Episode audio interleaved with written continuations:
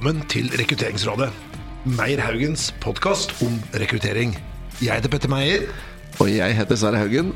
Dette er podkasten hvor vi samler smarte folk for å drøfte hvordan vi kan gjøre rekruttering bedre. Temaet i dag er endring. Og vi er så heldige å ha med oss to veldig interessante gjester. Siri eh, Konradi. Hei. Hei, hei. Hallo, Siri. Og så har vi med oss eh, Henrik Lervold. God dag. Ja. Men hei, Siri, kan ikke du fortelle hvor er det du jobber hen? Jeg jobber i Gjensidige eh, som leder av en enhet som heter HR Operations og rekruttering. Bra. Og du, Henrik? Jeg jobber i PwC. Det er da ikke et selskap som driver med plast, som min mor eh, trodde da jeg fikk denne jobben, men det er Norges største visjon- og rådgivningsselskap. Ja. Der jobber jeg som leder for kommunikasjon og marked. Spennende. Ja, Sverre. Er du klar for å ha en uh, spennende podkast med disse to personene? Jeg er veldig klar, og i dag skal vi snakke om noe som er relevant for veldig mange. Vi skal snakke om endring. Ja, og endring er jo da knyttet opp til rekruttering, som er da temaet for denne podkasten. Så det kan da både være uh, hvordan uh, rekrutterer vi i en tid hvor det er mye endring? Og det kan være hvordan jobbene endrer seg, Ja, og, og ikke minst hvordan selve faget vi driver med endrer seg, altså rekrutteringsfaget. ja. Men vi skal jo bli litt bedre kjent med gjestene våre, for det er jo de som er hovedpersonene. Så vi tenkte å spørre mm, Hva skal vi si? Skal vi ta Siri først? Du, eh, Siri, hvis jeg hadde, hvis jeg hadde møtt deg på fest, da. Og så skulle jeg pratet med deg om et tema du ble veldig engasjert i. da Hva slags tema skulle det vært? Det var et veldig stort spørsmål. Jeg regner med at vi skal snakke om endring og rekruttering her. Ja, ja. Podkasten er ikke bare en podkast om dette, altså. Men det er litt for å bli litt bedre kjent med Ja, deg. nemlig. Um, nei, jeg er jo fryktelig glad i jobben min, Ja. um, som eh, forhåpentligvis veldig mange er. Eh, Og jeg er veldig glad i å snakke om eh, tematikk knyttet til det jeg jobber med.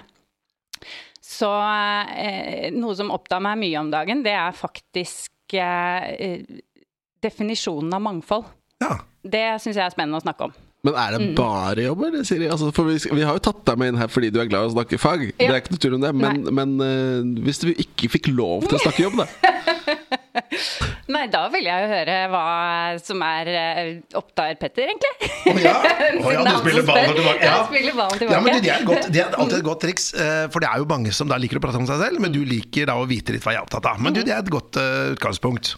Men uh, Henrika, hva hvis vi hadde dumpa borti hverandre på fest, og og jeg skulle liksom bare spille opp en ball for deg, og da tenkte at jøss, her har jeg en god samtalepartner. Hva, hvilket tema skulle det vært? Jeg kunne snakket om mye, da. Jeg må jo innrømme at som sier jeg er veldig glad i jobben min. Har egentlig drømmejobben, syns jeg. Som merkevarebygging ligger hjertet mitt nært. Hva gjør at eh, noen merkevarer evner å differensiere seg? Fortelle en litt annen historie som folk legger merke til og blir tiltrukket av.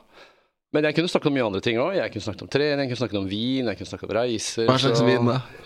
Ja, du, nå er vi inne på noe spennende. Eh, Jeg må jo si jeg har en forkjærlighet for vin fra, to- fra Tyskland. Si Nei, tysk, ikke tysk. Ikke tysk. Fra, fra Piemonte. pussig nok. Hvor, hvor sa du? Piemonte. Piemonte. Ja, men det er veldig godt. Det er Grunnen til at vi tuller litt med det der med, med vin, da, det er at uh, Sverre og jeg har litt ulikt syn på hva som er god hvitvin. Petter har ikke sett lyset ennå. Nei. Så lenge det ikke er uh, rødvin fra Tyskland, så tror jeg det er innafor. Det er faktisk veldig bra. Ok. Um, dette skal ikke være noen uh, tysk uh, Riesling-pod, heldigvis, Sverre. Vi tror vi skal gå over til det faglige. Yes. Og jeg tenker vi skulle bare starte uh, litt med noen dilemmaer. Ja. For det er jo sånn at vi, vi har jo tenkt nå Vi skal snakke litt om endring i rekruttering, men på slutten av podkasten så kommer vi altså til å stille dere noen dilemmas. Eller dere skal få noen dilemmas. Det er tre dilemmaer. Dere får lov til å tenke litt på det, og det kan også lytterne gjøre. Eh, og de dilemmaene eh, i, I dag så er det faktisk sånn at ett av dilemmaene har vi fått fra en eh, lytter av podkasten vår, og det er jo veldig hyggelig. Ja, vi, vi sa jo på sist podkast Sverre, at vi var interessert i litt uh, feedback fra lytterne våre. Og så har det kommet en del. Og det var et uh, godt dilemma som vi tenkte vi skulle bruke med en gang. Ja, og da er det altså et dilemma som er sendt inn av Alexander Garman Gullaksen, som da eh, også får en bok Ja, av oss, er siden han har kommet med et bra dilemma her. Og det er da hva velger du når du har valget mellom en kandidat som er høyt utdanna, versus en som har et tydelig råtalent eller naturtalent? Jeg skal forklare litt mer hva som ligger i det etterpå. Det er Ja. en dilemma. Ja. Og så er det litt morsomt at han jobber i Den norske kirke, så det er en ganske spredt uh, lytterskare vi har. Ja, og med noe som heter rekrutteringsprosjekt til det, er også veldig spennende. Ja. Eh, dilemma nummer to burde sannsynligvis treffe midt i hjertet til Siri, som er opptatt, opptatt av mangfold. For da er vi i et eh, dilemma som er relatert til kjønnskvotering, hvor du har to kandidater. Du ønsker en høyere, la oss ta det klassiske, kvinneandel. Og, eh, og så har du to kandidater i slutthitet. En gutt, en jente, og så er kanskje gutten bitte litt sterkere vurdert. Men du trenger å jobbe med kjønnsbalansen. Hva gjør du? Hm, interessant. Ja. Tredje dilemma er et etisk eh, litt mer etisk dilemma. Og det er at du blir dratt inn i en rekrutteringsprosess. I siste liten så skal du inn og så skal du ta et intervju. Det er du som kommer til å være beslutningstaker på om dette blir en jobb eller ikke.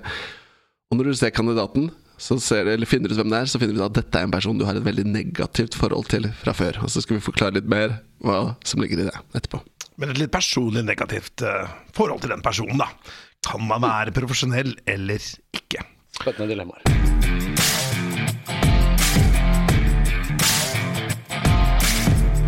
Bra. Men vi tenkte vi skulle begynne med deg, Siri, først. Eh, du jobber jo da i Gjensidige. Mm. Og uh, kan ikke du først bare fortelle oss Gjensidige er jo en bedrift som alle har hørt om. Tiden går, men Gjensidige består. Var det på et sånt, uh, hva skal jeg si, et hushjørne her i Oslo som jeg har sett helt siden jeg liksom på 70-tallet? Mm. Men uh, hva gjør Gjensidige for noe? Det er litt morsomt at du trekker opp det slagordet, for det sluttet vi jo med for veldig mange år siden. Ja. Eh, men når jeg er ute og snakker med unge studenter som ikke var født engang omtrent da vi sluttet å bruke, bruke den setningen, de klarer å fullføre, faktisk, hvis jeg sier 'tiden går'. Ja. Så det er så, ganske interessant hvordan det sitter. Så på en måte er det 'tiden går' og slagordet består? Slagordet består, ja. ja. Og så var det bilde av en vekter. Ja, det er jo eh, veldig sterkt symbol på vår historie. Eh, vi er jo over 200 år gamle. Eh, og historien er veldig lang, så jeg skal jo ikke dra gjennom det. Men, men Gjensidige startet jo med mange brannkasser. At bøndene gikk sammen for å, for å sikre seg selv og hverandre mot brann på gårdene. Så de, de, det var et sånn kollektiv dugnadsfond, da. Eh, og det er jo sånn forsikring ble skapt i sin tid. Eh, og vekteren var jo rundt og passet på, ikke sant. Eh, så det er jo et veldig veldig sterkt symbol for oss. Og merkevaren vår, apropos merkevarebygging, den står sterkt. Mm. Bra. Men forsikring, da.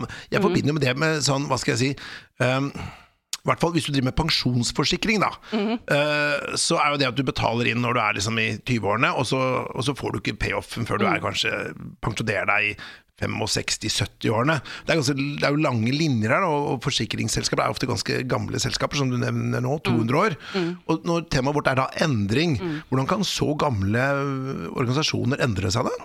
Men jeg tenker Det er jo kanskje litt derfor vi er gamle, da. Vi har bestått i 200 år, og endring har jo vært også de foregående 200 årene. Eh, er, forskjellen er bare at det går raskere nå. Eh, så hvis vi skal bestå i 200 år til, så må jo vi henge med på endringstakten. Så er jo Gjensidige et av Nordens største skadeforsikringsselskap. Eh, så vi, eh, eh, vi skal jo sikre liv, helse og verdier, ikke sant.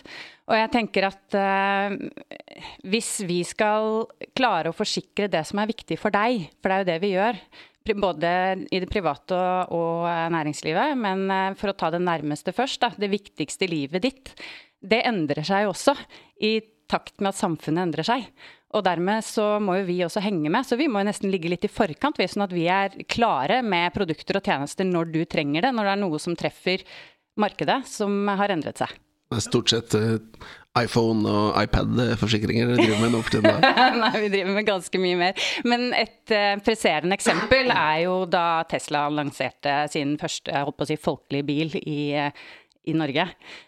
hvordan vi løp Eh, om bena på hverandre, nesten, eh, forsikringsselskapene, og klarte ikke helt å estimere prisnivået. fordi at her var det jo en sportsbil eh, i en eh, familiebil, eh, typ. Og det var en konstellasjon vi ikke hadde sett før. Og elbiler til da var jo disse små buddiene som bare de absolutt grønneste av de grønneste kjøpte. Tenker du på den Roadsteren som kom først, eller tenker du på Tesla 3 nå, eller hvilken bil refererer du til nå? Ja, den, aller, altså den Model S. Model S. første ja. Model S-en som kom ja. til Norge. Da var jo dette ukjent eh, eller upløyd mark da, ja, for uh, bilforsikringsbransjen. Ja, ja, Da er det bare en fra Bærum som kan kalle det folkebil, men det er noe sånt.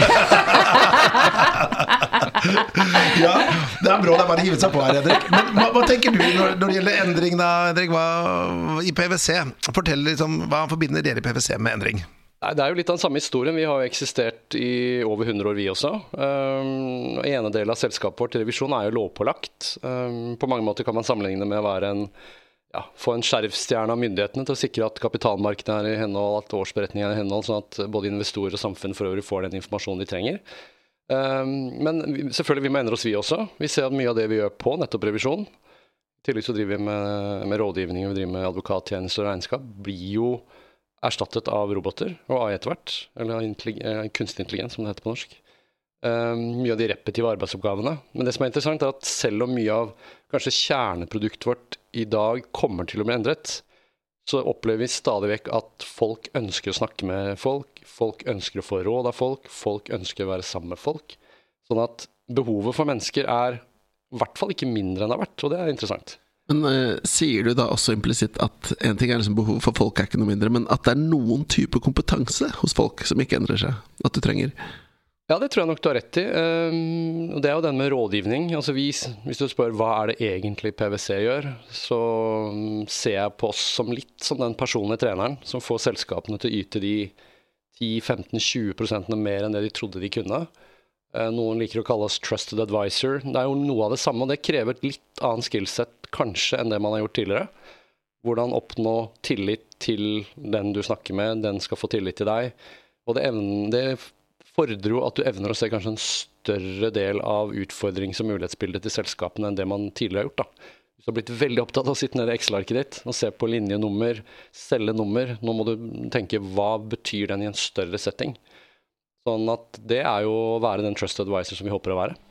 Men Et så godt spørsmål, da. Eh, for å si sånn, Når man da har en, en uh, organisasjon som også forbruker sin egen kjernekompetanse. da. F.eks. vi er et rekrutteringsselskap, Meierhaugen, og vi bør da være ganske gode på rekruttering til oss selv. Uh, og dere da i, i en side, dere er jo sikkert ganske godt forsikra, regner jeg med. Uh, egen, uh, egenassurandører, hvis det er det det heter. Og dere i PwC er for dere må også drive dere må være endringsagenter internt i organisasjonen, men dere også selger den tjenesten. Mm. Er det litt sånn at skomakerens barn har hullete sko, eller er det, hvordan er det der? Nei, Det tror jeg alle møter. At man enten ikke evner å se at vi også må ta vår egen medisin. Men det er klart, vi står jo oppi det. Vi, vi, har jo da tradisjonelt hentet mye folk fra Handelshøyskolen i Bergen, BI. Det er ikke noe galt med det. Fine skoler, bra skoler, solide skoler. Men vi ser jo at det kundene er mer opptatt av, er denne tverrfagligheten. Folk som kan se et større bilde, litt av det jeg, inne, det jeg var inne på. Som bl.a. også resulterte i at vi kjøpte et uh, tjenestedesignselskap her i fjor. Uh, Livework, som jo er mer på den si, kreative delen. Evner å, å, konseptualisere ting, pilotere ting. Uh, litt sånn raskere iterasjoner enn det vi kanskje har jobbet tidligere. Som vel ikke akkurat er det uh, skal vi si, siviløkonom på Handelshøyskolen i Bergen lærer mest, kreativitet. litt annen måte å gjøre det på. Det er ikke det du forbinder med revisor? Nei, liksom. Så vi er jo mer nysgjerrige nå på andre typer kompetanse. Vi har mer fokus nå på NTNU, vi har mer fokus på UiB, UiH osv. Jeg er jo litt sånn eksotisk i eget selskap, da, for jeg er jo da statsviter og økonom. Statsviter, det er jo sånn kompetanse. Det er ingen som vil ha det, men Nei. de ender opp overalt. Ja, ikke sant. Vi ender opp overalt, så det er litt morsomt. Uh, men den type ja, nysgjerrighet på et større mangfold tror jeg er veldig, veldig viktig. Men Siri, hvis vi ser på gjensidig, da. 200 mm. år. Nå har ikke du vært der i 200 år akkurat. Men, Nei, takk. men endring da, i rekruttering Hvor lenge, Den tiden du har vært der nå, da, eh, har du opplevd at det har vært noe endring i behovet i organisasjonen kompetansemessig? Ja, kjempestor endring. Eh, jeg begynte i Gjensidige i 2013. Eh, og da begynte jeg Da var hovedoppdraget, mitt første hovedoppdrag var å etablere en employer branding-strategi. For det hadde man ikke hatt fra før. Uh, så vi startet jo der, og 2013 er jo ikke lenge siden. Og da var det vel ingen som skjønte eller visste helt hva vi skulle. Eh, verken med det eller hvordan vi skulle bruke det. Så det var jo en sånn signingsferd som eh, måtte gjøre ut i selskapet til alle lederne. Eh, men jeg ser jo nå at eh, den strategien som jeg lagde da, den er ganske Den må endres på i dag. Hva, hva er det som er store Nei, for det første så, eh, så, handler det jo om, eh, litt som Henning sa i sted, i forhold til merkevarebygging. Henrik. Eh, unnskyld. er det så nøye? ja, Henning er samme. samme de, altså, de, er veldig opptatt, de er veldig opptatt av Henrik i PwC, men jeg tror de holder seg til samme fornavn. Ja, du kan få lov å kalle meg for Sigrid eller Silje, det går fint. Siri var det ikke det? Beklager. Sorry. Ja, nei, um, men jeg ser jo at uh, da gikk vi mye bredere ut, da. I forhold til eh, hvordan vi eh, Både hva vi rekrutterte inn. nå er vi mer fokusert og målrettet i forhold til employer branding-arbeidet spesielt. inn mot spesialistområder. Sånn, sånn at, Dere var litt bredere før? Ja, altså vi var um, bredere i den forstand at uh, vi hadde behov for litt av hvert overalt. Uh, men nå er det mye, mye mer spisset hva vi har behov for, og litt annen type behov. Det er mye større uh, press på å få tak i teknologisk kompetanse, f.eks. En annet område er jo dette her med ja, analytikere. Og ikke bare analytikere, men det å koble business med analytics. Den, eh, den, varianten har vi ikke hatt før. Og vi har liksom ikke skjønt den koblingen før de siste årene, hvor viktig den er. Men da kommer utfordringen, da. Og det handler jo om eh, studiestedene. Om de klarer å tilby dette. Eh, fordi at de har jo ikke koblet det på skolene før nå. For BI gjorde det nå, faktisk. Startet en ny master men, som heter Master of Business Analytics. Det er bare fem år før, du, før de klarer det? Tar, eh, nei, det er master, så det tar forhåpentligvis ikke mer enn to. Men, ah, ja. men, eh, men, der inviterte de oss faktisk inn da, til å mene noe om hvordan det studiet skulle bygges, og hva behovet vårt var. Så det er jo helt supert at utdanningsinstitusjonene ser den koblingen mellom næringsliv og eh, utdanning. Men eh, ja, du, skulle du si noe, Henrik? Jeg, jeg kom på en ting, for dette er jo en samtale. Og så, så, sitter vi her og snakker om rekruttering og fylle på i bånn, holdt jeg på å si. Men eh, jeg gikk rundt i mange år som konsulent og snakket om viktigheten av alt start på toppen, tone of the voice, eh, tonen fra toppen osv. I hvor stor grad har vi sett endringer nettopp i toppledelser og ledernivå? Man kan godt snakke om at man trenger nye i bånd, men i hvor stor grad klarer topplederne å være nysgjerrig på ny kompetanse, nye perspektiver osv.? Det er også en interessant ting å snakke om. Det, er et veldig godt spørsmål. og vi ser jo nå, Det finnes jo noen toppledere som, er, som har tatt en i det siste vil jeg si, en aktiv rolle og gjort seg mer synlig i en rekrutteringssammenheng. og Da tenker jeg på sånn som Rune Bjerke i DNB, som nå er tydelig ute på LinkedIn og kommenterer på ting. Og, så der er det jo i hvert fall et eksempel da, på en leder som tar et grep. Ja, og Vi merker jo også, i hvert fall i vår eh, business, da, at eh, når vi prater med, med både styreledere og andre som da måte, ønsker da en, en hva skal si, endringsvillig leder, da, eller en endringsagent, og det er et av de temaene vi også skal ha her i dag, er jo nettopp dette her med hvordan skal du da rekruttere da en, en som er endringsleder? Og er da endringsledelse er det annerledes enn ledelse generelt. For man kan jo si at ledelse i 2019 er jo egentlig bare masse endring. Så er det noe, noe forskjell på dette med generell ledelse, eller god ledelse, da, og endringsledelse. Hva tenker dere da? Ja, jeg, jeg tenker jo at eh, jeg er veldig glad for at eh, synet på ledelse etter hvert nå har begynt å endre på seg rundt også i større organisasjoner. Ehm, vi bruker et bilde hos oss eh, som handler om eh, at før så var eh, lederen dirigenten av et orkester. Nå er en leder mer pianisten i et jazzorkester. Sånn at du, du må spille på dine medarbeideres styrker kontinuerlig. Er det, er det det som er altså, greia med å være jazzpianist? Nei, men, men, det handler jo om at man eh, jammer sammen, og man vet ikke helt hvilken retning verden går. Og når endringen skjer så raskt der ute, da. Så, og du, vi snakker jo om mangfoldsledelse, blant annet. Ikke sant? Da må du spille på de ulike styrkene du har i teamet ditt. Ja. Eh, du kan ikke stå og peke og dirigere og drive micromanagement eh, sånn som det var mye av før, da. Så, så, jeg liker det bildet der veldig, veldig godt. Men Hvis du da spiller polsk frijazz, så, så er det en god, det en god erfaring hvis du skal inn i lederskap. Det er jazzens mysterium. et, spørsmål til deg, Henrik. Der, fordi dere er jo et stort globalt selskap, men dere er jo norskstyrte. PwC ja. i Norge er ganske sånn egenrådige Partnere er i Norge. Autonome, ja. sånn sett. Hvordan opplever du For jeg får en sånn parallell når du snakker om den jazzmusikeren som skal spille på hele resten av bandet. Det det er jo veldig sånn nordisk medbestemmelse, lite hierarkisk. Opplever du, eller ser du at det er noen forskjell fra PwC-perspektivet på endringsledelse i Norden versus andre deler av verden? Godt spørsmål. Det er jo det går vel litt inn under de litt sånn mer tradisjonelle kulturelle, nasjonale forskjellene mellom land. Den norske modellen og norske PwC er nok mye mindre hierarkisk enn f.eks. hvis du går til UK og US. Men det er klart, Jeg har også jobbet i større konsern og, og kjenner jo den modellen godt, bl.a. fra KLP. Eh, og det er, jo, det er, jo, både hierarkisk og mer, unnskyld, uh, mer um, flatt i, i, en partnerstruktur, åpenbart. Ja. Som gir noen fordeler og noen ulemper, selvfølgelig. Men litt tilbake til dette med endringsledd, for det, det, er interessant. fordi Jeg vil gjerne bruke et bilde på dette med spor 1 og spor 2. Hvis du tenker at endring er den nye konstanten, og endring har vært der hele tiden, så er det vel noe med at tempoendringene har blitt mye større nå enn det var tidligere.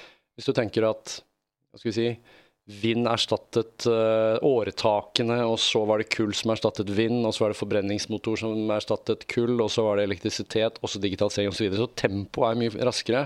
Den eksponentielle utviklingen som gjør at ting går mye, mye raskere. Og da tenker jeg at endring, ledelse, kanskje 50-60, ja, kanskje bare 40 år tilbake, handlet veldig mye om den spor 1. Hvis du ser for deg et tog som kjører rett fram, det handlet om å effektivisere driften av det mest mulig. Gjøre mer av det du alltid hadde gjort, men kanskje litt raskere, litt bedre. Liksom lean, business process, optimization osv. osv. Mens nå i dag har du kanskje ikke de, den, den, ruta som går rett fram. Det, det er ikke lineært? Ja, det er ikke så lineært lenger. Så jeg tror det krever litt annen type kompetanse. Kanskje ledere med litt uh, større nysgjerrighet, litt mindre ydmykhet, litt mer evne og vilje til å slippe nye stemmer til. da. Hva, hva, betyr dette for rekruttering av dere? For det, er det som er interessant her. Hvordan, hva, hva, skal vi se etter da, for å finne de folka? Det som er spennende, da. Eh, for det er jo eh, Og det var liksom jeg kom inn på i sted også, at vi ser mer etter spesialister nå. Og det er jo liksom selvmotsigende, egentlig. Fordi at eh, kompetansen endrer seg jo Eller kompetansebehovet endrer seg så innmari raskt. Sånn at hvis vi ser etter veldig sånn snevre spesialister, fordi det er det lederne ønsker og trenger inn akkurat nå, eh, så, så, eh, og vi bare har sett på det og den kompetansen, så tenker jeg jo vi feiler. Jeg tenker at vi bør også se på om kandidaten har det man kaller for et growth mindset. Da. At man har endringskapasitet, og ikke bare kan akkurat det faget veldig, veldig, veldig godt. Men hvis jeg skulle utfordre deg da, Siri. For, for, for, som sagt så får vi i vårt rekrutteringsselskap Vi får jo nesten alle kandidater som vi skal rekruttere, enten det er ledere eller spesialister, så spør jo vår oppdragsgiver ja, de må være endringsvillige, og de må være endringsagenter og, og, og change management. Og, og så spør de ok, hvordan finner dere ut av det, da? Og, og, vi har jo noen tanker om det, selvfølgelig, men, men, jeg er interessert i bare å høre hva dere to hva, Hvis dere skulle satt opp noen, si, noen rekrutteringskriterier, da, eller rekrutteringsmetodikk for å finne disse som er da endringsvillige i forhold til de som ikke er det, hvordan ville du gjort det, Siri? Jeg tenker at eh, man i hvert fall ikke skal skrive det i stillingsannonsen. Å oh, nei! ikke skrive hva? Eh, at vi krever at du er endringsvillig og evne Altså alt som du ikke kan Eh, alle kan jo si det på en søknad, og hvis det er det du går etter, da, da, feiler du litt, da. Men jeg tenker det er måten du kanskje eh, Hva slags type spørsmål du stiller i intervjuet. Eh, eh om man bruker en case, kanskje, som, eh, sånn at eh, kandidaten evner å bevise at de er men gjør dere det i Gjensidige? Når, når, du er jo sjef for rekruttering der. Mm. Ja, og da tenker du at du er på jakt etter endringsfolk, du òg? Ja, det er jo akkurat det vi er. Ja, ja. ja og hva, Hvordan bygger du opp din rekrutteringsprosess for å øh, sile ut de som ikke er endringsvillige, da? Mm. Vi jobber jo kontinuerlig med å forbedre den, så jeg kan jo ikke si at vi er helt i mål der enda og har oppskriften. Øh, men øh, vi bruker For det første så bruker vi jo case aktivt, og oppfordrer lederne til å bruke case. Eh, vi bruker også evne- og personlighetstester. Eh, Så vi har et testbatteri som vi bruker og velger ut eh, i forhold til hva som matcher akkurat den stillingen og de menneskene vi er på jakt etter. Og så bruker vi jo ikke det som screening, men vi bruker det som et samtaleverktøy. Mm.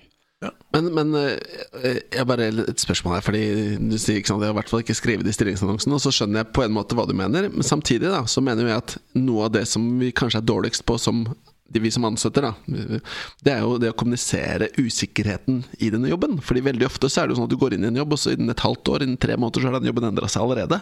Men det kan du skrive. Det er ikke det jeg mener. Eh, altså Det kan man skrive, og det syns jeg man skal være ærlig på.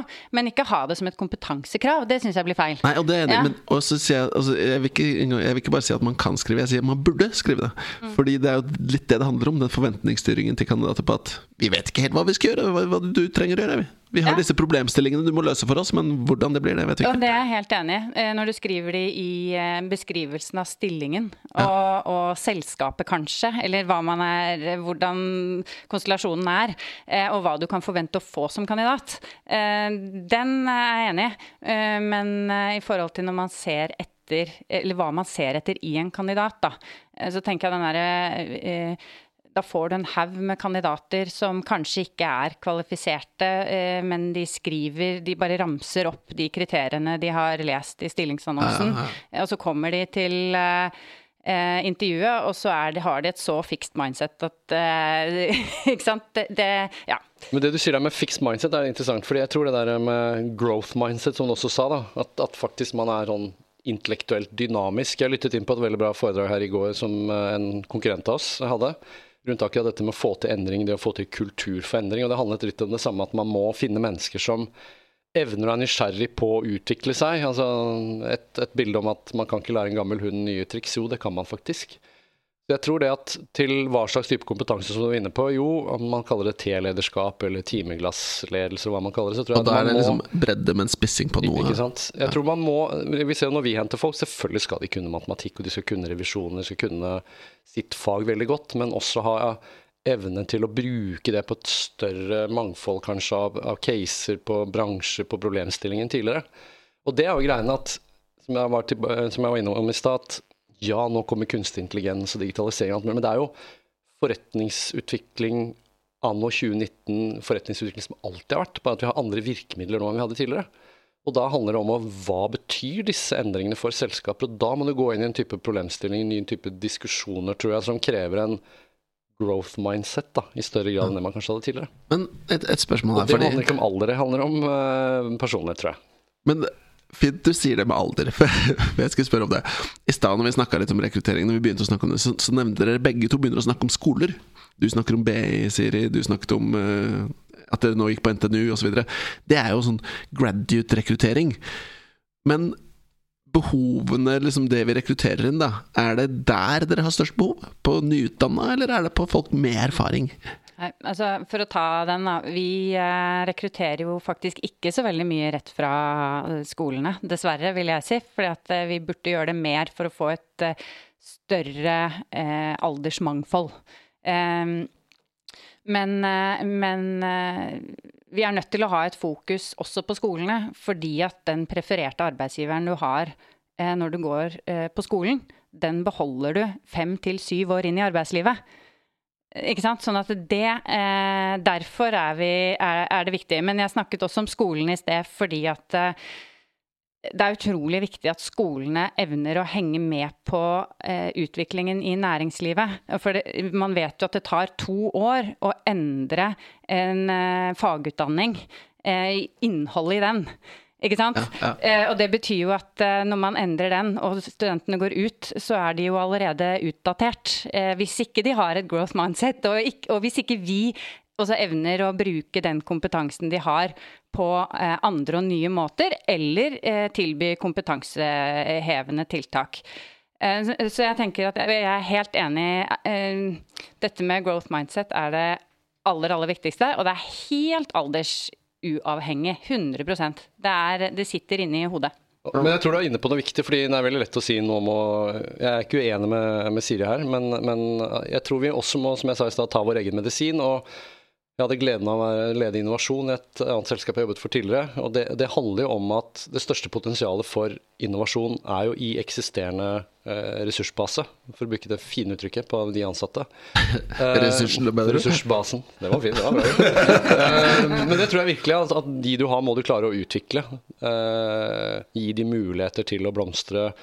Uh, litt sånn kanskje moderne ledelse igjen. Ikke disse, hva lærte man i militæret? A-ledelse. Var sånn gjør det til E-ledelse. Her er målet, her er rammene. Gjør det beste ut av det. Jeg tror vi må mer mot E-ledelse. Gi folk mulighet til å blomstre og vise at dette kan de få til. Det er et uttrykk som heter at 'stars can be made'. Og det er at eh, du er ikke et sånn sett av personer at for altså, Alle her har jo vært i mange forskjellige organisasjoner, og da er det jo lett at kanskje enkeltmedarbeidere da får liksom merkelappen at det var ikke så endringsvillig, eller de er veldig endringsvillige. Men dette kan jo endres, for endring for det ikke, man kan tenke, Er det en kompetanse, eller er det en personlighet som er medfødt? Jeg tror det kan utvikles. Det er jo, Hva sier man i HR-faget? da? Det er ikke mitt spesialområde, men det å se og anerkjenne folk. og Hvis du da gir de muligheten til å bli sett og gir de muligheten til å bli anerkjent, så tror jeg det bor et utrolig potensial i veldig mange til nettopp å være mer eh, endringsfokusert, se muligheter, tenke utenfor boksen osv. Men absolutt ikke alle. Jo, det er jo noen som, eh, hva sier man, som også åpenbart ikke har det mindsettet, og da må man prøve å finne andre, andre steder de kan være. Hvordan skal lederne da, hvis du, er, hvis, du er, leder for en person som kanskje ikke er utpreget endringsvillig, da, ikke er den sånn klassiske endringsagenten, hvordan eh, gjør dere i eh, PwC, hvordan får dere disse personene til å blomstre og skinne? Godt spørsmål, men jeg tror du må se litt sånn, For å bruke den idrettsmetaforen, det er jo hele laget. Det er jo ikke alle som skal skinne, det er ikke alle som skal gjøre uventede ting. og og, være helt utenfor boksen. Du trenger noen som står eh, i backrekken og vet akkurat hva de skal gjøre til enhver tid. og jeg ser På mitt team der er det folk som jo er veldig kreative og tenker utenfor boksen, utfordrer status quo. Og så er det mange andre som er ekstremt gode på å eh, jobbe veldig effektivt innenfor de rammene som de trives i. Så eh, det handler om god kartlegging. da. Og så er det åpenbart, hvis man setter en endrings visjon, er veldig tydelig på hvor vi skal, hvorfor vi skal dit, rasjonale for det. Hva er alternativet hvis, ikke, hvis vi ikke gjør det? Så må du se på laget ditt. Hvilke spillere skal da på hvilken plass? med hvilken Men Kan det bli for mange endringsagenter på et lag òg, For det er en interessant problemstilling her. for Hvis vi blir så For Det er jo grøfter på begge sider av veien her. Så hvis vi nå på en måte kanskje har vært i en tidsalder i mange år hvor vi da, liksom, endring kanskje ikke har vært så viktig, og så er det litt for mye Møllers tran i den der rekrutteringstønna. Og så blir det bare masse endringsagenter, og så bare surrer vi rundt og er sånn Duracell-kaniner og bare endring, endring, endring. Og så kaster vi kanskje ut babyen med badevannet. Vi tar kanskje ikke vare på de gode tradisjonene og den erfaring som i hvert fall organisasjoner som har holdt på noen år, har bygd seg opp. da. Jeg tenker at eh, Man må jo være bevisst på å ikke drive endring for endringens skyld. Det må jo være noe mm. mål og mening bak det hele. Og så tenker jeg også at um, um, dette her med mennesker som er endringsvillige eller ikke endringsvillige eh, Jeg tenker sånn at alle mennesker har et talent. Men det er ikke alle som kanskje har funnet det helt, eller de har kanskje havnet i feil avdeling eller fått feil arbeidsoppgaver. Jeg mener at man kanskje må fokusere på å finne ut av hva den enkelte er god på, og hvor de kan bidra. Folk kan jo oppleves som lite endringsvillige selv om ikke de er det. Eh, men kanskje det er en som er ekstremt opptatt av å forstå detaljene i noe eh, før man sier ja eller er med. Det er jo ikke alle som er sånn utpreget ja-mennesker som hopper på første løsning fordi det høres gøy ut. Det er jo noen som må eh, absorbere informasjonen først, eh, forstå detaljene i det, og dermed kan kanskje oppleves som kritiske selv om de ikke er det. De bare søker å forstå. Eh, og det, å, eh, det, at ledere og organisasjonen evner å anerkjenne den, det som en kompetanse også, det tror jeg er viktig. Eh, og da handler det om å plassere de menneskene som er sånn, på riktige steder i prosjektet f.eks. Det er kanskje ikke de som skal være prosjektledere eller være med i idémyldrer-workshopen eller hva det nå er. Det er kanskje de som skal sitte etterpå og passe på at man har husket på alle detaljene, f.eks. Man har et sånt ordtak som heter at uh, uh, The guys that are making the trains run on time. Det er liksom de, the unsung heroes of the organization. Lærte mye om det når jeg gikk på Harvard, og da var det nettopp det derre de personene som kanskje ikke er på barrikaden og kanskje ikke er de mest synlige, men det er de som får lønna kommer til riktig tid, det, og gulvet er vaska og penga er på konto. Det er mye av de tingene som er viktige, da. Er ikke det de som blir automatisert bort, da? Det kan det fort bli. Nei, men jeg tror du har veldig rett til det, Petter. Dette med å, det kan jo bli for mange av de som eh, løper eh, litt rundt. Eh, altså disse speedboats helt uten mål og mening. Men, men, og det tror jeg nok var når jeg jobbet mer med innovasjon enn jeg gjør i dag, at alle, alle norske selskaper skulle ha sin egen innovasjonsavdeling. Uten at den kanskje helt var koblet på running business, ikke helt var koblet på den forretningsmålene som var satt. Eh, Men det har vært kanskje en prosess. Det skulle kanskje til for å begynne å endre organisasjonen, men åpenbart, som du sier, du må ha folk som er gode på å kaste ballen opp, du må ha noen til å lande den, og du må ha noen som skal, er gode på ordning og reda. Og det handler litt om hvordan du setter sammen teamet ditt. Da har man jo gode rekrutteringsselskaper som hjelper selskapet med å finne de riktige personene på de riktige plassene med ulike kompetanser. Så ja. Det er jo en fin bro over til å se litt på liksom, hvis vi, vi Jeg tror jeg jobbet der, vet du. vi, vi har så nå har vi snakket litt om liksom hvordan ting har endret seg i forhold til behov, ledelse osv. Men hva med måten vi jobber på? da? Du nevnte i stad employer branding. Dere måtte, har liksom måttet justere strategien deres, men det skjer jo veldig mye også der. da Har dere opplevd at det er liksom endringer i hvordan man faktisk gjør rekruttering? Um, ja, ehm, det er jo det. Men eh, jeg tenker at man også prøver eh, veldig mye som ehm, Hvor man tenker at teknologien f.eks. har kommet lenger enn det den har. Eh, det er jo noen som sier at rekruttereryrket er døende rase, fordi snart så kommer alle robotene og, ta, og tar over. Men jeg mener jo at mennesker må rekruttere mennesker. Det er jo en toveis eh, sak, Så vi dette med hadde, jo, vi hadde jo en robot som het Mike, som jobba for, for oss med å booke møte- møter en stund, men han fikk sparken. Han fikk sparken. Ja, for det Ja, men Det der er viktig poeng. Jeg hadde gleden av å være på South by Southwest i Austin nå i år, og hadde også gleden av å høre de fremste ekspertene på kunstig intelligens på scenen. Det interessante er at de alle ender opp med å si mennesker kommer til å være uovertruffen i mange mange år fremover, nettopp fordi hjernen vår ikke har utviklet seg like raskt som teknologien.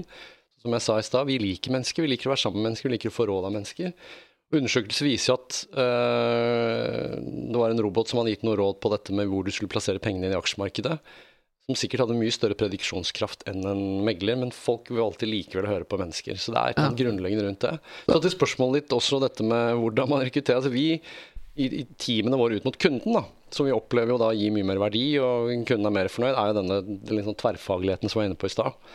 Når vi evner å koble på de eh, tjenesteområdene som kan jobbe sammen, da, for her er det noen lovregler som selvfølgelig ikke skal trå over. men det er klart Når vi kommer ut til våre kunder med, med både advokattjenester og forretningsforståelse og regnskapskompetanse, og egentlig sånn bredere plattform av kunnskap og kompetanse ut til kunden, så klart vi gir bedre råd.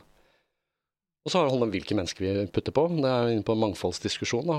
Eh, Hvilke perspektiver som for meg er vel så viktig som kjønn. eh, Hvordan man bidrar til å berike kundene våre med det. Men vi, vi er ikke helt ferdig med dette som skjer med Vi var inne på det med AI. For der er det jo også mange interessante caser rundt endringer. F.eks. Eh, var det Google som hadde denne motoren som skulle AI-rekruttering, seleksjon, som viser at plutselig så begynner han å ansette veldig mye mer menn. Så tenker man at det er noe gærent, men det er jo fordi de som dataene som AI-en bygger opp intelligensen sin på, er basert på reelle data, og der har man favorisert menn. Så den bare replikerer en menneskelig feil. da Ja, og det er jo det som er eh, litt eh, faren i det, tenker jeg, da. Eh, hvis man skal skrine Hvis det er en robot som skal skrine for oss, så er det jo noen som har satt opp den algoritmen bak. Følger da Det er spørsmål jeg stiller, for jeg vet ikke, jeg kan ikke noe om dette her. Men, men jeg tenker De som har programmert, det er jo noen som må programmere. De har vel noen biaser som følger. Og da blir det Og hvordan kan man sikre mangfold hvis en robot skal skrine?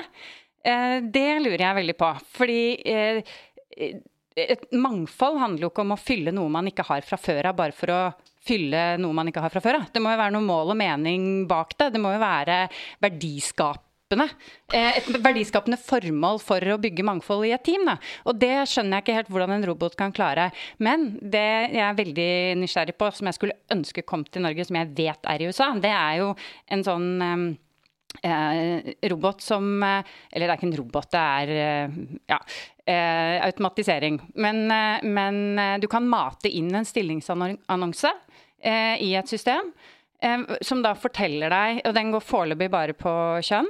eh, men eh, den forteller deg om eh, du bruker ord som er kjønnsnøytrale, eller som appellerer mest til kvinner eller mest til menn, og så foreslår den eh, et alternativ hvis du ønsker å ha en mer annonse som appellerer til enten det motsatte kjønn eller eh, er mer kjønnsnøytral. Litt sånn Og live analytics. jeg- Ja, og da tenker jeg at det gir verdi, da. Fordi at i en rekrutteringsprosess, eh, hvis du ønsker å etablere et mangfold, så starter jo det med kandidatene du får inn i prosessen, altså søkerne. Eh, det starter jo ikke i- andregangsintervjuet.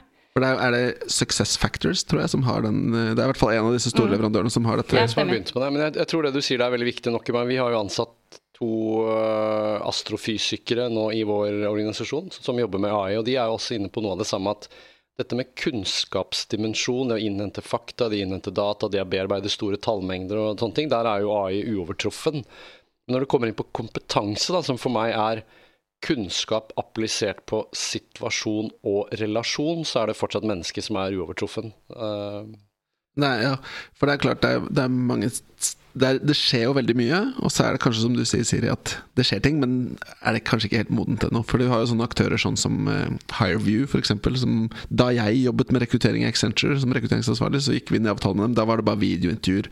Nå har de kroppsspråkanalyse som ser på hvordan du svarer, Henrik, og så får jeg en, en integritetsrapport ut etterpå som sier om personligheten din, og om jeg Det burde er jeg veldig skeptisk til, kjenner jeg. Ja. Og jeg vet at det er veldig mange som syns at det er kjempegøy og har lyst til å bruke det. Men tenker jeg, det, støtter det mangfold, da? Tenk hvis jeg har eh, noe tics, f.eks. for eksempel. Altså, ja, eller hvis jeg er kjempenervøs i akkurat den settingen. Hvordan har den på en måte klart å, klarer den å fange opp det? Jeg, jeg, jeg kjempeskeptisk, eh, men eh, Så tror jeg de er ganske dumme fortsatt, mange av disse AI-ene. Ja. Bare se på f.eks. denne stavekontrollen vår på, på iPhone. Jeg har brukt den samme nå i hvert fall i tre år. Den fortsatt foreslår jo helt meningsløse ord. Så det er, det er ikke så imponerende enda, men jeg er helt enig i at, at uh, vi, skal, vi skal bruke AI og kunstig intelligens på de områdene hvor det er mye repetitiv arbeidsoppgave, ikke krever mye, kanskje mye kreativitet, ikke krever mye utenfor boksen-tenking. Men jeg er ikke bekymret for menneskeheten enda, altså. Ja, for det er vel noe med det du sa i stad, Henrik, at det er noen type kompetanser som ikke kan automatiseres. Sånn den menneskelige relasjonen og Ja, altså som jeg sier, den der kunnskap applisert på situasjon og relasjon som handler om det med å, å tolke kroppsspråk, det, de nyansene i språk, det er nyanser i type humor, sarkasme eh, Mer på det følelsesmessige som jeg tror er utrolig viktig. Bare les Kahneman, 'Thinking Fast and Slow', hvor mye da følelses- eller system 1 har å si da, for, for hvordan vi interagerer og hvordan vi fungerer i samfunnet. Det er eh, lenge til AI er der, altså. Ja. Men jeg er helt, eh, jeg er helt enig med deg. Um, og eh, det der med å utsette intuisjonen hvis man Mm. klarer, Det klarer man som menneske hvis man har eh, bare lite grann em, Hvis man har noen verktøy for hånden da, i rekrutteringsprosessen, så klarer man å utsette intuisjonen, som kan man sier. Um, det er superviktig, fordi at da kan du la noen av dine biaser uh, passere Uh, i selve den prosessen. Så, så jeg tenker at det er ikke der, uh, sånn higher view-type tankegang, det er ikke der man skal legge inn støtet, men man skal legge det inn, kanskje, uh, syns jeg hadde vært spennende, da, i eh, hvordan man eh, bruker analyser for å treffe målgruppen eksternt, da, for å få de inn. Eh, at man heller eh, fokuserer på det, og at man fokuserer på eh, at vi som rekrutterere ikke driver brannslukking, sånn som vi gjorde, eller har gjort til nå, for det er jo egentlig det vi gjør. Eh, noen har et behov, og vi skal dekke det behovet nå, med en gang. Eh, men eh, at vi heller ser på ok, verden er i endring. Vi trenger en kompetanse om to år som ingen vet hvem er, eh, eller hva er. Men hvordan kan vi finne ut av at vi har behov for den kompetansen før vi har det behovet? Det tror jeg er superviktig. Og, hvis vi kan bruke eh, holdt på å si AI eller eh, store data da, eh, til å, å, analysere oss fram til behovet frem i tid, så vil vi også være konkurransedyktige i forhold til å eh, få inn den kompetansen, og ikke nødvendigvis bare utenfra, men da har vi også tid til å lære opp internt da, i forhold til kompetanseskifte, sånn at vi slipper store omstillingsprosesser og alt det der, men at vi, at vi kan bygge intern kompetanse. Det er kjempeviktig. Og så tror jeg en annen ting, Det er litt morsomt du sa dette med et selskap som leverer AI på dette med hvordan man kommuniserer for å ikke være en conscious biased. De tok kontakt med meg her nå for noen dager siden. og det altså PwC vi har jo to markeder. Vi har kundemarkedet og vi er i rekrutteringsmarkedet. og jeg som kommunikasjonsmann må jo jobbe med å, med å prøve å tvike de budskapene, for de er jo litt forskjellige. Mm. Dette vet jo dere mer om enn meg, men den nye generasjonen som kommer nå inn i arbeidsmarkedet, har litt andre fokus. Oppfatter av mer misjons-, visjonsdrevet. Jobber for noe mer enn bare lønnen, et større gode. Så jeg skal ikke si at min generasjon og de eldre ikke er opptatt av det, kanskje i litt mindre grad. Men det å da ha en kommunikasjon som treffer, lager et narrativ som treffer den rekrutteringsmarkedet i større grad, der har nok vi en liten jobb å gjøre. At vi nok i for stor grad kommuniserer i kanaler og på en måte som treffer eksisterende målgruppe. Ja. At vi må bli flinke til å fange opp de nye. Og dette er jo en helt egen tematikk i seg selv. Absolutt. Så, ja. Petter? Ja, jeg tenkte Vi har en sånn fast post i denne, denne podkasten, og det er at vi da skal løfte blikket litt. Og det er at hvis man kunne da øh, løst et rekrutteringsproblem, uansett hva det måtte være, øh, hva skulle det vært? Uh, skal vi begynne med Henrik først? Et rekrutteringsproblem, du. Altså, jeg har jo noen ganger tenkt at teknologikomponenten kanskje kunne vært litt større i rekruttering. Da. Uh, jeg har jo da, ikke nå selvfølgelig, men tidligere hatt, uh, snakket med noen rekrutterere Eh, hvor man går inn i en, en, veldig fin prosess og forteller litt om sine ambisjoner og visjoner og hvor man vil og hva man er god på. Og så får man en sånn ja, we call you, don't call us-type. Så tenker du dette har de lagt inn i et eller annet system som skanner markedet, og hver gang det kommer opp noen stillinger som er i tråd med det jeg har da brukt en time av livet mitt på å fortelle dem, så får jeg en eller annen form for varsel eller en tekstmelding eller hva det er for noe. Det har jo ikke hørt noe som helst. Dette altså, er jo ikke høyteknologi, det kunne man lagd i et Excel-ark. For, ja, for, for, de tinga her er jo inne på noe litt sånn ja. refte du snakket om i stad, Siri. Men det å finne jeg er helt enig, da. Som, men ha en eller annen teknologi som faktisk kan klare yes. å finne disse jobbene som er relevant for deg. Da. Ja, det, LinkedIn prøver, prøver, prøver, seg jo fram, ja. og de er sånn halvveis gode på det. Men ja, den siste, jobben tenker jo jeg er sånn Siste forslaget jeg fikk, var sånn dokumentkontrollør i Krigsarkivet. det er ganske dumt ennå. Men sånn som Siri sa, dette med kanskje AI kan være med å skanne type sånn formalkompetansekrav osv. Den jobben trenger man kanskje ikke mennesker til. Og det samme, her er mine preferanser, her er mine ønsker. Legg det i en eller annen eh, teknologisk løsning som skanner markedet. Hver gang det dukker opp, send meg mail. Der, så kan jeg komme her, og snakke med dere om at her er noe spennende. Her tenker jeg dette må vi fikse på et eller annet punkt, Petter. Ja, for, det, det er spennende. for der har jeg fortsatt ikke blitt imponert av noen selskaper, så det kan være at det er en oppside der. ja, Siri, hva tenker du hvis du skulle løst et stort rekrutteringsproblem i verden? Ja, i verden har det blitt til det nå. ja, vi er, vi er global, altså det er, det er, det er deltaksfeltet vårt. Nei, altså jeg tenker jo at uh, Sånn som det er nå, så er jo alle på jakt etter de samme menneskene. Vi konkurrerer jo ikke bare med andre forsikrings- og finansinstitusjoner lenger, vi konkurrerer jo med hele AS Norge. Og, og, den kompetansen alle er på jakt etter, den er det tørke på. Det er et kompetansegap som er kjempestort. Og så driver vi fortsatt og rekrutterer egentlig litt sånn på gamlemåten. Det gjør stort sett alle, og det tar for lang tid. Ja, som, ja. som effektiviserer. Jeg vil veldig gjerne at ting skal gå smakk, smakk litt fortere. Og så eh, samtidig så er det vanskelig fordi eh, det er jo mennesker vi har med å gjøre. Og mennesker bruker litt tid til å bli kjent med hverandre. Sånn ja. at det kan ikke gå sånn superraskt heller. Jeg, Man kan jo ikke bare Jeg har lyst til å kaste ut en idé her, som ja. er sånn til fritt, fri plukking for alle store selskaper som lytter ute. Men jeg foreslår da crowdsourcing av intervjuing. Ja. Som er ikke sant, Når du har ti gjensidige ansatte, som alle som har sagt at Henrik er en fin fyr, han burde få jobb her, så bare sender du tilbud. Trenger ikke komme på intervju engang. Jeg så trodde du skulle si rekrutteringstinder, men det var ikke det du skulle si. den, den, er gammel. Den, den er kjempegammel. Bra. Men du, eh, vi tenkte vi skulle gå over til disse berømte dilemmaene våre, Sverre. Ja. Er du redo? Jeg er redo. Bra.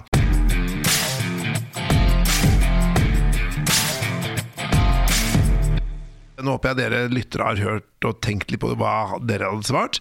Og nå skal vi da høre hva Siri og Henrik også svarer på disse. Og det første dilemmaet har vi jo fått fra vår øh, venn som har sendt oss dette her.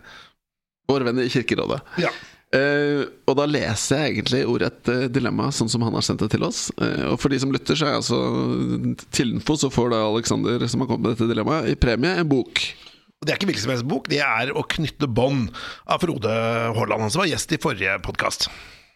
Dilemmaet er den høyt utdanna eller det åpenbare naturtalentet.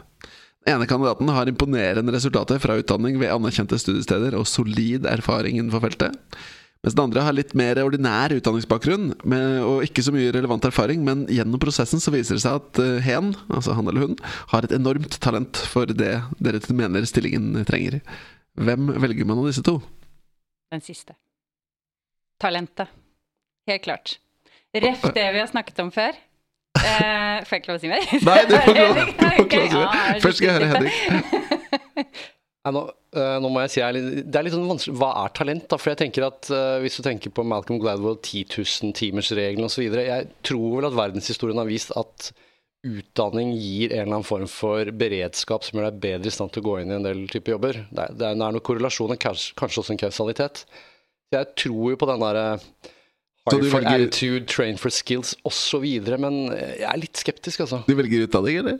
Jeg tror jeg ville gjort det. Ja, Og det er jo veldig tradisjonelt, vil jeg si. da Sånn, eh, sånn i utgangspunktet. Jo men, jo, men det handler jo litt også om hvilken type jobb. Jeg bare tenker sånn at det, Hvis du da f.eks. skulle jobbe med salg, da altså selge noe, så kanskje ikke er sikkert du trenger den utdanningen, ikke nødvendigvis. Kommer an på hva du selger. Men hvis du f.eks. skulle jobbe i Norges Bank, der hvor jeg kommer fra og vi altså, Jo, det er en superhyggelig og karismatisk eh, dame eller eh, mann, men, men de kan jo ikke regne, de kan jo ikke noen analyser, de, altså som de hadde lært i utdanningen sin. Så jeg tenker at det, jeg skjønner jo godt at, at hvis den utdanningen ikke er superrelevant for jobben, så er jeg litt enig. Men det er jo en grunn til at du har gått la oss si, tre eller fem år på skolen, altså etter videregående, og du har jo lært noe der som er kanskje det er det du skal gjøre jobben på. Altså, hvis det er teknisk. sånn, vi, skal ja, altså, vi hadde jo aldri- tegne en bro, liksom, og så dette er ned. Ja, nei, det er noe med noen fag jeg, så jeg, jeg er ikke uenig med Siri, men jeg tenker også at øh, vi ville aldri hentet en som ikke har, er revisorutdannet, eller en advokat som ikke har tatt juss. Eh, Bortsett fra Mike Ross i Suits, så er det liksom få eksempler på at uh, det går veldig bra. Da. Eh, så, men likevel, selvfølgelig, hvis de i tillegg har denne growth mindset Ja. og er uh, endringsvillige osv., så, videre, så er det helt fantastisk. Men det er, jo, det er jo en veldig fascinerende problemstilling. Fordi det klassiske eksempelet, kanskje et av områdene hvor dette faktisk er eller kan være en reell problemstilling, det er jo innenfor IT. Hvor du har da folk som ikke har formalia-bakgrunn, bachelor, master, utdanningen, men som har sittet og hacka på gutterommet. Å, nå tok du jo det jeg skulle si! Det er jo akkurat det som er veldig gøy. Fordi at Hvor mange programmer relevante programmeringstimer er det du får på skolen? Det er ikke så mange, i motsetning til de hackerne som sitter som ikke kom inn på skolen, fordi at de, eller på utdanningsinstitusjonen, fordi de hadde brukt eh, tiden sin foran PC-en istedenfor å eh, samle gode karakterer og vekttall. Eh, jeg tenker at er det noen som er gode på å tette sikkerhetshull, så er det jo hackerne. Altså, eh, hallo, det er jo åpenbart. Eh, det er liksom én sånn. Og så en annen greie er jo eh, hos oss nå, så har vi faktisk eh, en egen underwriting-skole. Det er ikke flust av underwritere der ute. Så da har vi funnet ut at vi er nødt til å eh, heve, løfte kompetansen på eh, underwritere internt. eh, Eller ja, til morgendagens Hva, hva er egentlig en underwriter? og så spør du sånn der teknisk forsikrings... Prisrisiko. Ja, det er det. Um, men i hvert fall så har vi da kun lyst ut stillinger internt. For å, eh, og det handler jo om kompetanseendring, ikke kompetanseløft i eksisterende rolle. Men da kunne hvem som helst søke. Og det er jo en veldig sånn teknisk eh, type rolle, eh, hvor det er jeg holdt på å si, dine personlige holdninger og egenskaper, og ikke hard skills, holdt jeg på å si, som er det som teller. Som et annet eksempel. Nei, men det er et supergodt eksempel. Jeg hadde gleden av å stå på en debatt faktisk med rektor for BI her, nettopp litt om de samme tingene som vi var inne på. I hvor stor, Jan Henjesand. Husker ikke hva han het, la oss Jo, si men sånn. jo, rektor for BI heter det. ja, han, Ja. han heter nok det. Eh, Men da hadde vi også et spørsmål rundt den ene bransjen, sektoren, som kanskje i minst grad har endret seg. Altså man sitter man satt på agoraen og lærte på i antikken eller sitter i et klasserom så er liksom basically ganske det samme. da. Men til det du nå sier, så tror jeg at der har eh, utdanningsinstitusjoner å gå og utdanne folk i de nye tingene. Altså vi, jeg tok jo da uh, til alle mine i min enhet sånn programmering for dummies. Ja. Dette burde jo være en større del av utdanningsløpet nå. Ja, men det er enig. Eh, sånn at jeg er enig. De har jo da, om du kaller det Revenge of the Nerds eller hva det er, vet jeg ikke, men det er klart den type kompetanse burde man ha mye mer av på skoler. Bra, men nå må vi Dette, var jo rene programmet i seg selv, men vi må over da til dilemma, dilemma nummer to. Så Ja, jeg mistenker at det blir ikke noe mindre prat om det, for da skal vi snakke om kjønn og kvotering. og her er da det klassiske dilemmaet. Du har en ledergruppe og en strategi som sier at du er nødt til å få inn flere jenter. Kvinner og menn, ikke jenter og gutter. Kvinner, da. Og så, og så har du to kandidater i slutthitet, og så er det sånn at når du ser på måleparameterne i vurderingsprosessen, så har du ja, så er mannen liksom scorer litt bit høyere. Hvem velger du? Mann eller kvinna? Kvinnen. Mannen eller kvinnen. Det var vanskelig for deg, veldig vanskelig. Arnesen var litt rart, ja. Jeg syns at det her er veldig, veldig vanskelig. Eh, det kommer litt an på kriter... Altså når du sier kriteriene som er Er man sikre på at man har satt rette kriterier i utgangspunktet? Altså du vil så svaret ditt er egentlig at du vil begynne å lete etter grunner for å ta Nei, men jeg er ikke noe glad i eh, det faktum Men dette er et dilemma. Du må svare mannen ja, eller kvinnen, og så kan du heller begrunne etterpå. Jeg har også litt problemer med å svare mannen eller kvinnen. For jeg syns dette her er em, em, Nei, det er veldig vanskelig. Jeg er ikke glad i at man eh, At ikke beste person Nei. Så du er ikke for kvoter, kjønnskvotering? Eh, Henrik, eh, du skal få lov til etterpå, Siri. Ja, Henrik? Nei, for det, Dette er et case på hvor du bruker om det er radikal eller hva det er for noe, men det er i hvert fall kvotering. Hvis du sier at mann kompetansemessig er bedre enn kvinnen, ja da må du ansette mannen. Men helt likt så ville jeg åpenbart valgt kvinnen, hvis det da var et underskudd på kvinner i, i, i bedriften eller i avdelingen. Men som rekrutterer, da, så kan jeg liksom, hvis jeg skal utfordre det, så kan jeg si at ja, men hvor eksakt er egentlig de målekriteriene våre da, på rekruttering? Hvordan vet vi egentlig at mannen er bedre? Ok, vi har vurdert det dit, men kanskje Altså, det er sånn som vi gjør da med litt sånn som gjensidige. Det ene er jo en evnetest. Det er en personlighetstest, og så er det case. Hvis du da tenker at disse to kandidatene scorer absolutt helt likt, eh, så må jo Da ville det vært kvinnen som har blitt valgt ut fra hensyn om at eh, flere kvinner gir i hvert fall den forskningen og empirien jeg kan huske å ha sett og lest, gir bedre beslutninger, er en bedre dynamikk. tilleggskvalifikasjon de har. Åpenbart gi bedre som dynamikk. vektes. Ja. Uh, som jeg tror mange mange har hett. Og det som nå DNB gjør, bl.a. med å stille krav til høyere, høyere kvinneandel i advokatselskaper de jobber med nå i reklamebransjen, kjempebra. Så da ville jeg valgt kvinnen, men hadde mannen vært best, så hadde jeg valgt mannen. Ja. Det er vanskelig. vanskelig. Det er derfor det er et dilemma.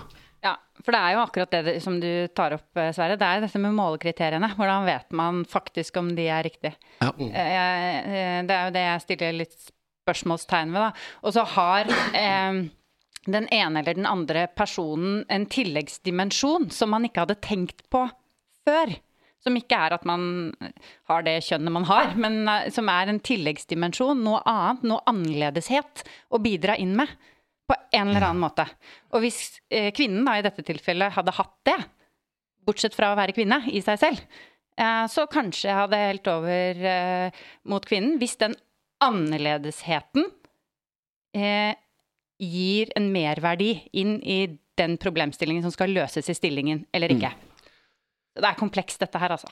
Så er det vel med at kvinneligheten der også er en annerledeshet, da, hvis man skal tilbake til empirien og forskningen. Så jeg tenker det burde vært 50-50. altså det er Åpenbart. Burde vært. Burde vært. Um, vi lar den ligge der, tror jeg. Ja. Vi- Så går vi på det tredje dilemmaet. Og nå er det altså litt mer personlig etisk dilemma. For da, da må dere leve dere inn i dette scenarioet. Og det er at dere skal inn uh, og ha et intervju. Dere blir dratt inn i siste liten. Det er du som er beslutningstaker på intervjuet. Du får liksom kasta en CV inn i hånda rett før du går inn døra der, omtrent. Sånn som det pleier å være. Og da ser du at dette her er en person du ikke har noe særlig til overs for. Fordi det er ekskjæresten din som har slått opp med deg tidligere. Og det var dirty, dirty og Men personen er ekstremt godt kvalifisert for jobben. Og denne personen skal jobbe under deg? Eller sammen med deg? Ja, Det var et godt spørsmål. La oss Ja. si, uten at det skal tolkes feil under deg, da.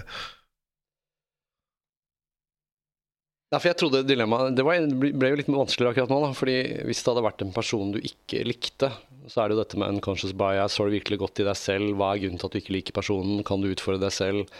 Kanskje man rett og slett ikke snakket sammen, alle disse kommunikasjonsutfordringene. Men en ekskjæreste som har hatt et tøft brudd, det er jo no go for meg, altså. Ja. Altså, du er jo per default ikke du, du, Jeg kan jo ikke rekruttere inn en sånn. Altså, du er jo inhabil. I, eh, Ja, men, ja, ok, så Men, men la oss gjøre det litt, litt vanskelig, da. For jeg, jeg er enig i det. At det er klart Hvis det er en sånn tidligere samboer som det, det går ikke, du kan ikke ha den i, i, teamet ditt. Men la oss si at det skulle bare være at den skulle ikke jobbe hos deg i det hele tatt. Den skulle jobbe i en La oss si du sitter på et, et, et, um, hovedkontor, da, og den personen skulle da jobbe på et sånn kjedekontor eller butikk eller liksom, noen, som offsite i forhold til der hvor du jobber. da Men du bare, Og det er ikke sikkert det er eksen din, det kan være en person som har vært en ordentlig sånn derre mobber fra barneskolen og bare kjenner åh, personen har vært en ordentlig sånn derre kjiping, da. Eh, både mot deg, men kanskje spesielt mot andre. Og tenker at dette personen er en ordentlig forferdelig person. Men det er riktignok 20-25 år siden. Hvordan ville du gjort det da, da? Da får jeg litt sånn Stormberg-følelse. Eh, Ja. Gi folk en sjanse til. Oh, ja, eh, hvis det er sånn, det Det er sånn 20-25 år siden, da Ja. tenker jeg også eh, gå inn i deg selv eh, og ta en ny runde. Er dette virkelig reelt? Eh, gi folk en ny sjanse. Eh, jeg var jo eh, dette, dette er liksom helt utenfor, da. Men eh, sånn i forberedelse til sommeren så går man ut og kjøper planter og blomster osv. Og, så videre. og rett ved Gjør man- der- gjør man ja, det? man gjør det. Kona di gjør nok det.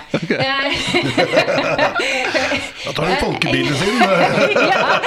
Nei, men i hvert fall eh, Ila eh, eh, si fengselet, Ja. eh, landsfengselet, ligger jo ikke så langt unna der jeg bor.